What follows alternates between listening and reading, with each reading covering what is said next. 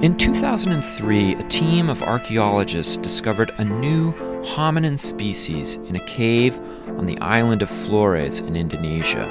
The fossils were a big story, not only because they were new, but also because they were so small.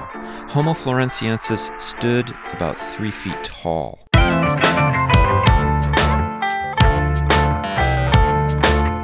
It's time to eat the dogs. I'm Michael Robinson. Today, Paige Madison talks about her work at the Liang Bua Cave in Indonesia, where she studies Homo floresiensis, but also the team of researchers who've worked at the cave for years, sometimes for generations. Madison is a PhD candidate in history of science at Arizona State University, where she also works with the Center for Biology and Society and the Institute of Human Origins. She writes about paleoanthropology at the blog Fossil History. She returns to Liang Bua as a Fulbright scholar this fall. Paige Madison, thanks so much for talking with me. Yeah, thanks for having me. You just got back from a really long archaeological expedition to Liang Bua in Indonesia. I was wondering if you could talk about what this place is like and what you were studying there. Yeah, so Liang Bua is a fascinating limestone cave on one of the more remote Indonesian islands, an island called Flores. And many of the scientific community have probably heard of Liang Bua because back in 2003, uh, a new species of human was discovered there, uh, which they named Homo floresiensis. And that was announced mm-hmm. in Nature in 2004. Uh, and, you know, it was highly debated in the paleoanthropological community. And so, it, you know, a lot of these debates have continued even to the present. Um, and so it really is a fascinating place for science and and some of the questions that I'm interested in about controversy and humanness and things like this. I saw a picture of the cave that you posted on your on your blog, uh, Fossil History. It's it's pretty spectacular looking. It really is, yeah. So you know, I always tell people that come visit because it is sort of a tourist destination. It has long been a tourist destination for Indonesians just because it's a beautiful cave. And it's now sort of on a backpacker transit route across Flores. So we do get quite a few tourists coming through. And I always tell them, you know, you can understand why early hominins would have lived here uh, because it's got this beautiful large ceiling and it's very nice and cool in there. We call it sort of climate controlled. Um, and mm-hmm. in fact, Liang Bua means cool cave in the local Manggarai language. Um, and so it is absolutely, you step outside for a moment in the middle of the day and you are hit with this heat wave and it's it's very it's a very nice place to be in Liang Bua. Yeah, you were uh, talking on your blog about how these discoveries that happened uh, in the early 2000s, which I would love for you to um, to talk about, but that actually it's been a site of great interest for 40 or 50 years, right? There was a Dutch priest, Theodor Verhoeven, who who made some discoveries there in the 60s?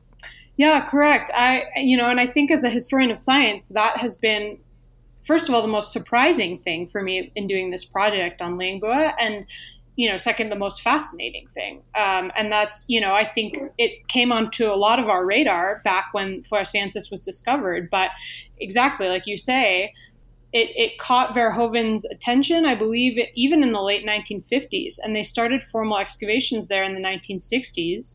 And the Indonesian government ran archaeological expeditions there in the 1970s and 80s. So it really has this long history.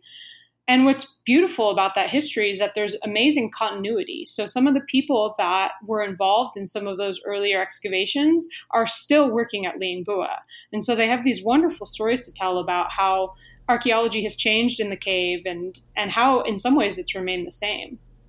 Yeah, I um, I really liked that essay a lot on your on your blog where you talk about the cave as a kind of community of people. And before I ask you about that, because I actually do want to hear what you have to say, I was wondering if you could talk about what these early archaeologists are looking for there. I mean, they didn't were they looking for the hominid species that you were uh, working on? Right, yeah, that's a good question. So no, absolutely they they were not, which is what makes the story I think for me so interesting. So what what we now know about Liang Bua is that in the last 100,000 years or more, there has been almost continuous occupation by a hominin species. Mm-hmm. And now, which hominin species, it seems to sort of go back and forth. So maybe for from about 100,000 years ago to we think about 50,000 years ago, Homo floresiensis likely was living in and around this cave. And then there seems to have been a turnover at about 50,000 years ago, and you see modern humans come into the cave. And modern humans then stayed up until the present. You know, so so what's fascinating about Liangbua is it has this wonderful cave floor that preserves the living surface of all of mm-hmm. the continuous time period. And pretty much any moment you go back into that living floor, into that time period, you see evidence of occupation of some human. So when they first started doing digging uh, in the 1960s, they found things like pottery and very modern human burials and tools and things like this, fires that had been used to probably cook things in the cave. And then, you know, so they were really interested in those sorts of questions, which are very common sites that you find in Indonesia, um, sort mm-hmm. of these, you know, maybe Neolithic occupations. Uh, and what they didn't realize is the deeper you go, the more you kind of get back in time until you really get into this late Pleistocene era where you start to see that turnover. And I think what's fascinating is that they're actually, I guess this is a common phenomenon at archaeological sites, but I had not heard of it uh, too much. But so they they hit in the 19, I think in the late 1980s or so, what they thought was bedrock, what they thought was the bottom of the cave.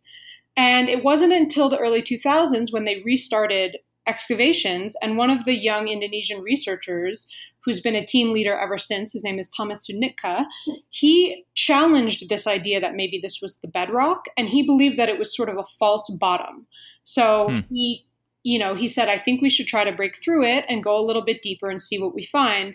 And indeed, he was correct. And uh, that led us to sort of the deeper layers where where you start to see this late Pleistocene, completely different world that has Homo floresiensis. It has a completely different sort of cast of characters. You've got extinct stegodons, mini elephants, all sorts of things like this. So, so the uh, the discovery of Homo floresiensis in 2003 at first, uh, it's a very small skeleton that they uncovered, and I was just wondering how how it was that people started to think of this as a separate species. How, you know, how did they figure that out? Yeah, so that's it's fascinating to hear uh, the crew talk about this because when they first uncovered it, it began with the skull. Uh, and so immediately, sort of cleaning off the skull, they they realized that this creature was small, but you know, it didn't take them very long to look at the top of that skull, which is what they were seeing, to see that the sutures of the skull were closed, which mm. means that it's an adult, right? Uh, and then, you know, it took them a few days to really get the entire skeleton up out of the cave and start to really clean off all the dirt around it because it was quite fragile. Uh, and once they started doing that and looking at the teeth, they could see that the molars were in, that the teeth were quite worn. And of course, this means, again, that it is an adult, uh, just a very small one. So, you know, they, they do say that when they first first found it, for a moment, it seemed as though maybe this was a child. Uh, but that mm-hmm. quickly mm-hmm. evaporated when they realized that, no, this, this is something else entirely and then the the sort of discovery that it was maybe a new species i think that really unfolded over the next weeks and months as everyone really started to be able to compare it to other specimens and really uh, look at some of the peculiarities of the skull.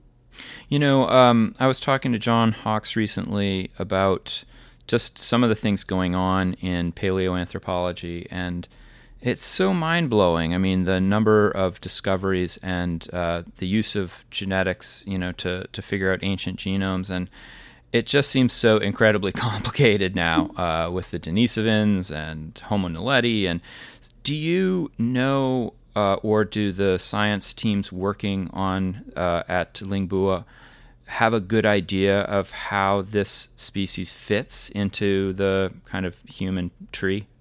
Yeah, you know, I think that's the million dollar question. Uh, not yet, though everyone is working on it.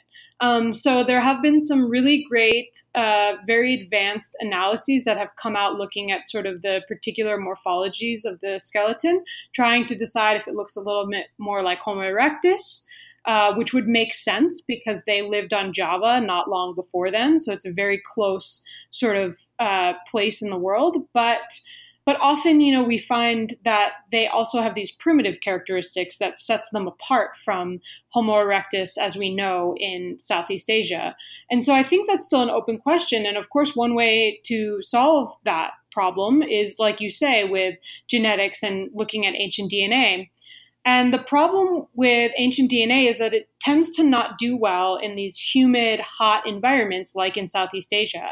And so Homo floresiensis age wise is a perfect candidate to get such DNA. You know, we have Neanderthal yeah. DNA that goes that's much older and things like this. But um, but so far they've not had any luck with the Hobbit DNA thus far, and that would really help paint a clearer picture. Uh, you know, but I can just tell you they're working on it every season. You know, and the and what's amazing about ancient DNA is the technology is changing so dramatically year by year that I think many of us are very confident that you know, there might be something possible in the near future, whether that's five years from now, 10 years from now, or something. But it, it, but it is kind of the million dollar question. And of course, yeah, we, we would like to know who their ancestors were, how long they were on this island, what their population size was on this island. And, you know, and then questions about did they encounter Homo sapiens? Hmm. And what did that look like if they did? Was it a Neanderthal type situation where they may have done some interbreeding? Or, you know, these are all open questions at this moment. You are actually a historian of science. You're a PhD student at uh, Arizona State University. And yet you're on a active archaeological um, and anthropological dig. What is your job at this site? What are you trying to find? That's a great question. So, yeah, it's definitely a unique uh, job in a sense. I was trained as an undergraduate in physical anthropology. And so, you know, my background is really on early hominin morphology, but I did switch to history of science for my graduate degrees. And uh, I think my education has put me sort of in a good position to look at this. So, I am trying to approach Liangbua from a historical perspective. Uh, but, you know, I'm telling a history about something that's essentially still unfolding. And so while I'm there, I do take a lot of oral histories by some of the folks that have been working at the site uh, for decades, some of them. And that sometimes can be a slow, you know, laborious process. So, you know, I try to make sure that everybody, you know, knows that I have everyone's best interest in mind and that I'm just trying to sort of you know catalog their stories and and get their perspective written down. Uh, but you know they're all working they have jobs to do and so often i'm just kind of you know hanging out trying to get to know everybody working on the language uh, because of course the primary language spoken at Liangbua is indonesian. Uh, and then also I, I kind of have done some odd jobs you know so i try my best to make myself useful which is often quite a funny endeavor so I can, because of my training, I can help do some sorting of bones. Um, and we find all sorts of things at Liangbua. There's a lot of rat bones there, some bird bones, all these things. And I can help sort of sort out the jaws from the femurs and basic things like this. Um, but then, other than that, I'm just really there to support the team. And what's amazing about the team is that they don't need a ton of support uh, because so many of them have been there for so long.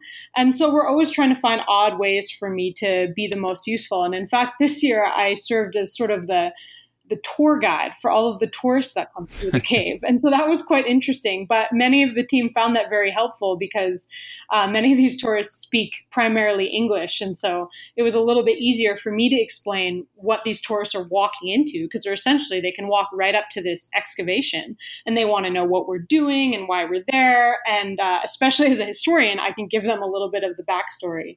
And so that was an interesting way to make myself ex- uh, extra useful this year. So, uh, how do you? Um, I'm curious how it's like to wear those two hats. I mean, you're a historian of science.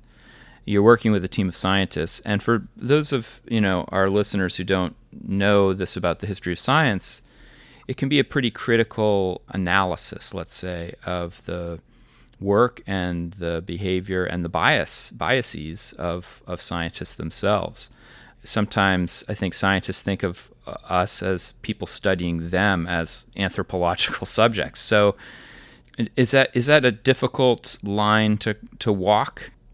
Yeah, I I, I think it is quite tricky, uh, and I think you know I think for all the reasons you would expect. You know, when I spend months there, I mean, these are my this is my support group. You know, this yeah. these are my friends. These are my you know they help me translate. They help me figure out how to get to the bank. I mean, you know, this is quite a foreign country, and they are really sort of um, they're supporting me and our team. And and and they happen to be a wonderful group of people who are always laughing and joking and you know telling stories. And so you know you spend a lot of time around that and you sort of end up wanting to write a history that you know doesn't look quite as critical as as the one that you know I think most historians would write um, hmm. but I think I'm fortunate in that you know, out of pure luck, I've stumbled upon a group of people that are humble enough to know that they're they're only one part of a,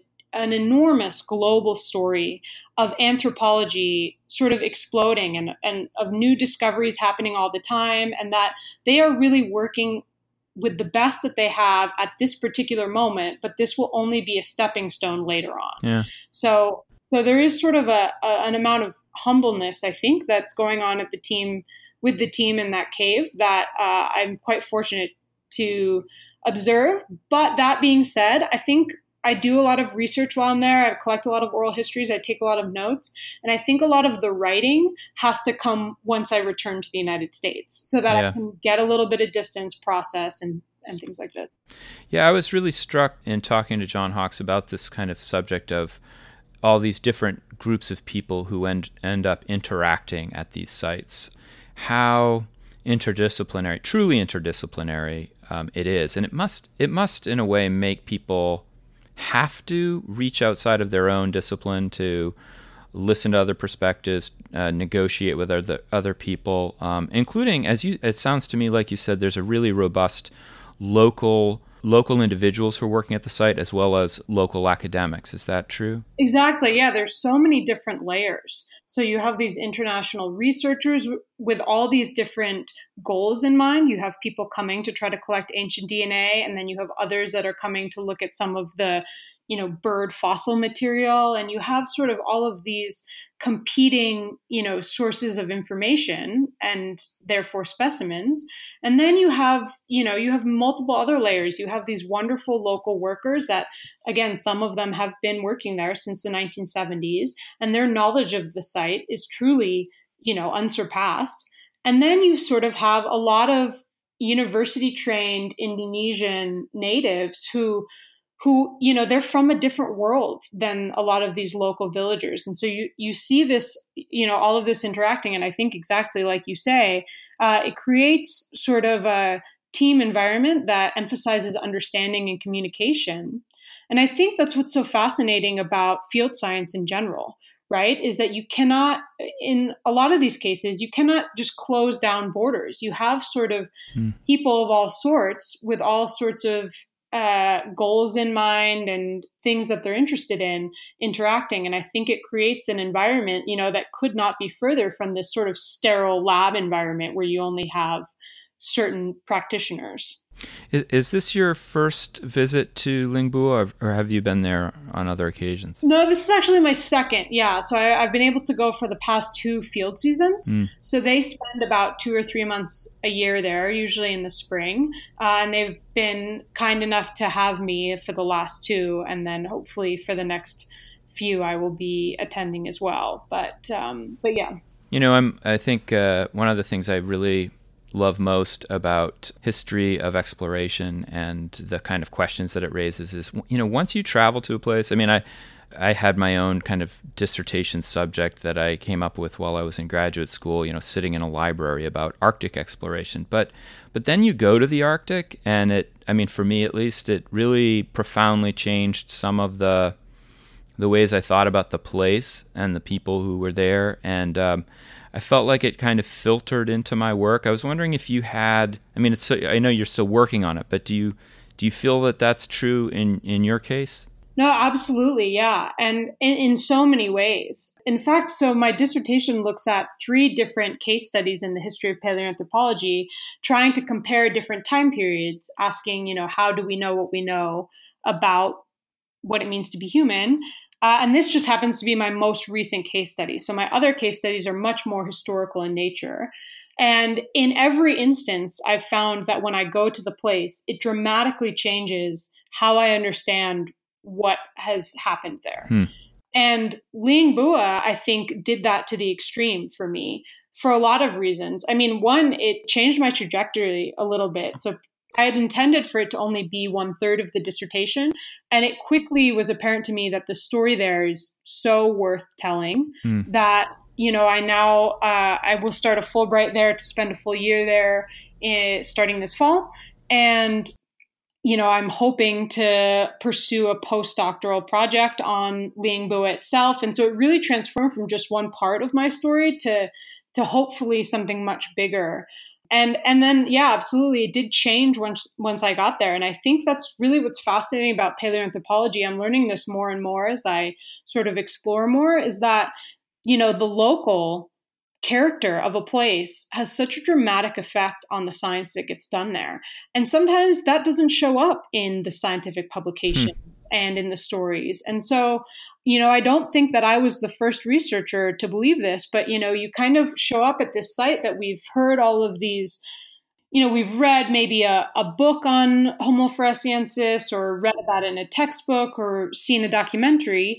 Uh, and mm-hmm. it wasn't clear to me until I got there how strong the Indonesian current is there. And so this, you know, sometimes I'm trying to think how to best phrase mm-hmm. this, but often when a documentary comes in or something, they might interview the people that speak English uh, because that's their audience. And so it comes off sort of this skewed perspective of who's doing the work and who's organizing these excavations and these types of things. And once you get there, you find that this truly has always been a very Indonesian heavy excavation. And that's quite wonderful because this is a country that you know, struggled for independence quite late in the sort of era of empire.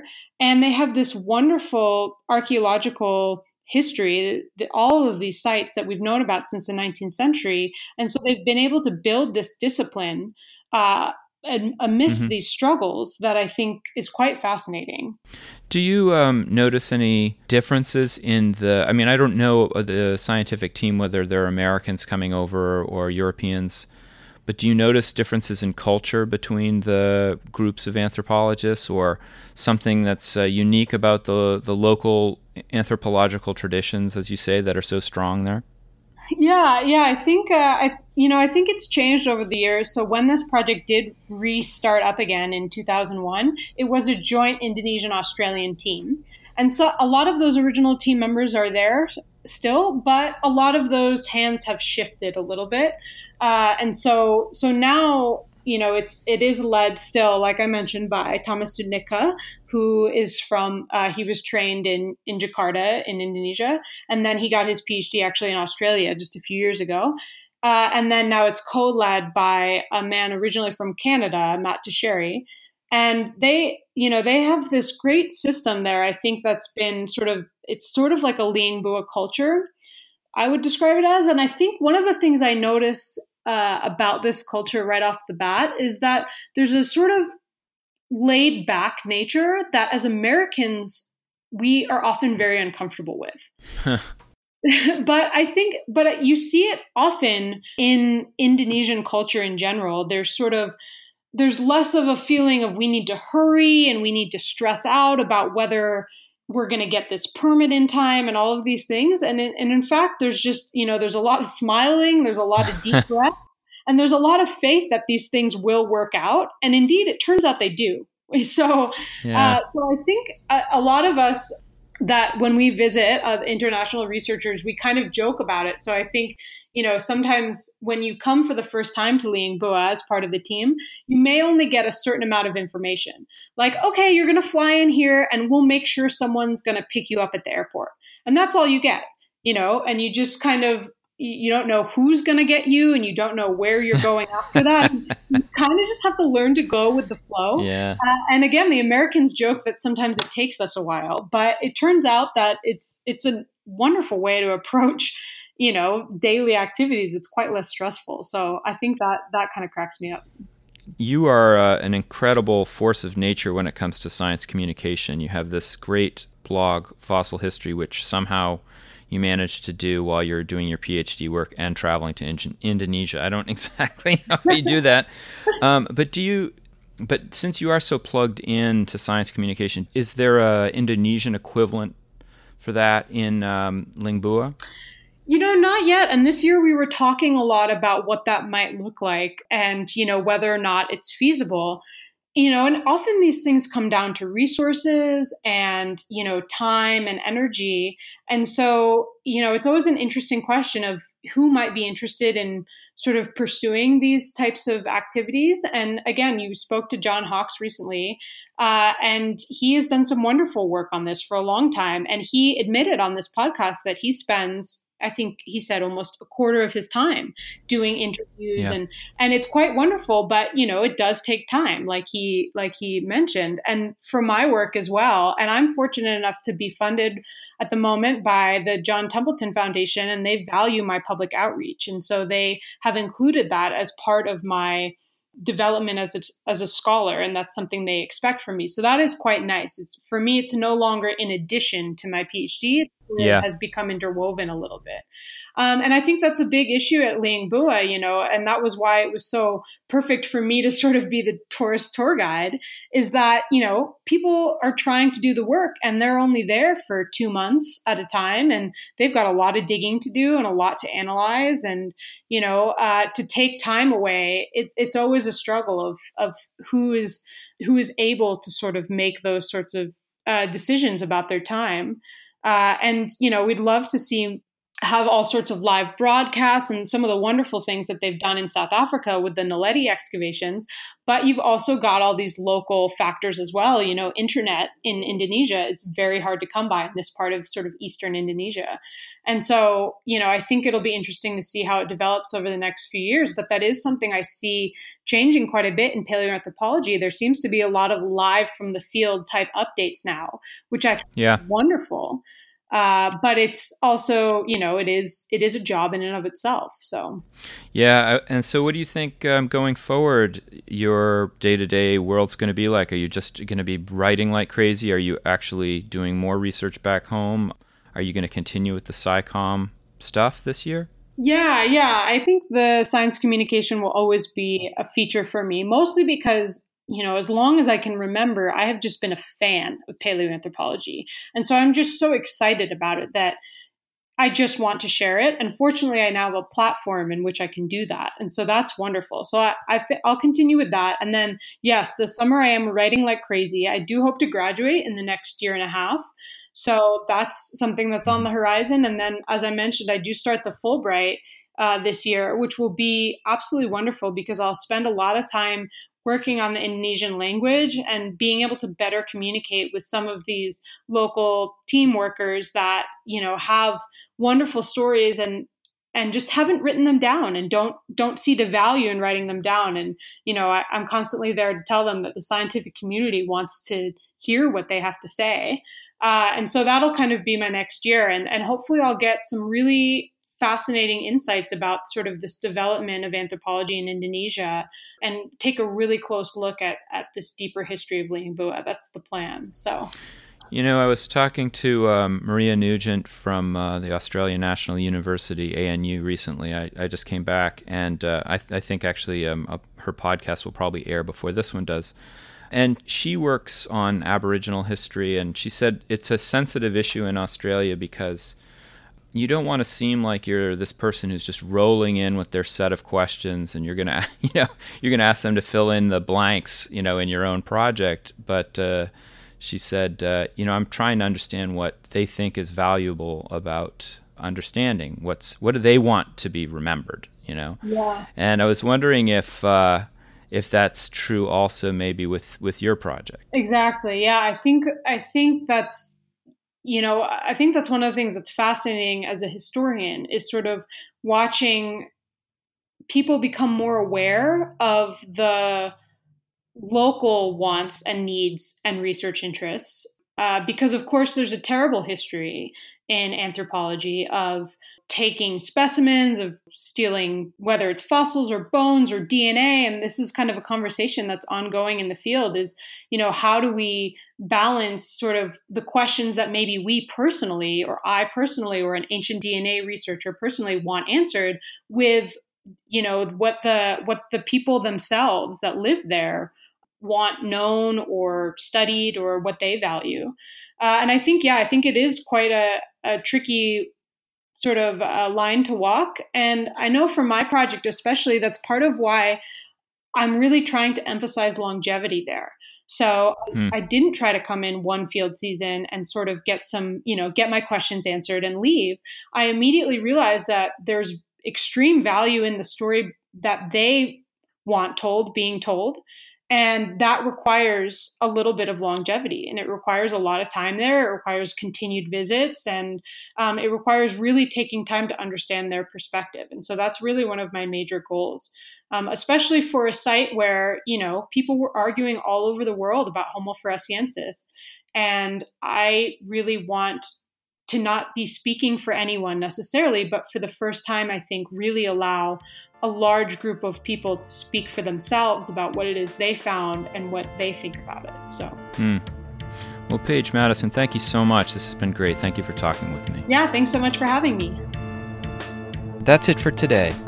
The music was composed by Zabrat. Make sure you check out the Time to Eat the Dogs website for podcast links and other exploration related stuff. And if you get the chance, please take a minute to rate and review the show wherever you get your podcasts. It really helps make the show visible to new listeners. And if you want to recommend a guest or make a comment, feel free to contact me at time to eat the dogs, that's one word, lowercase, at gmail.com. See you next week.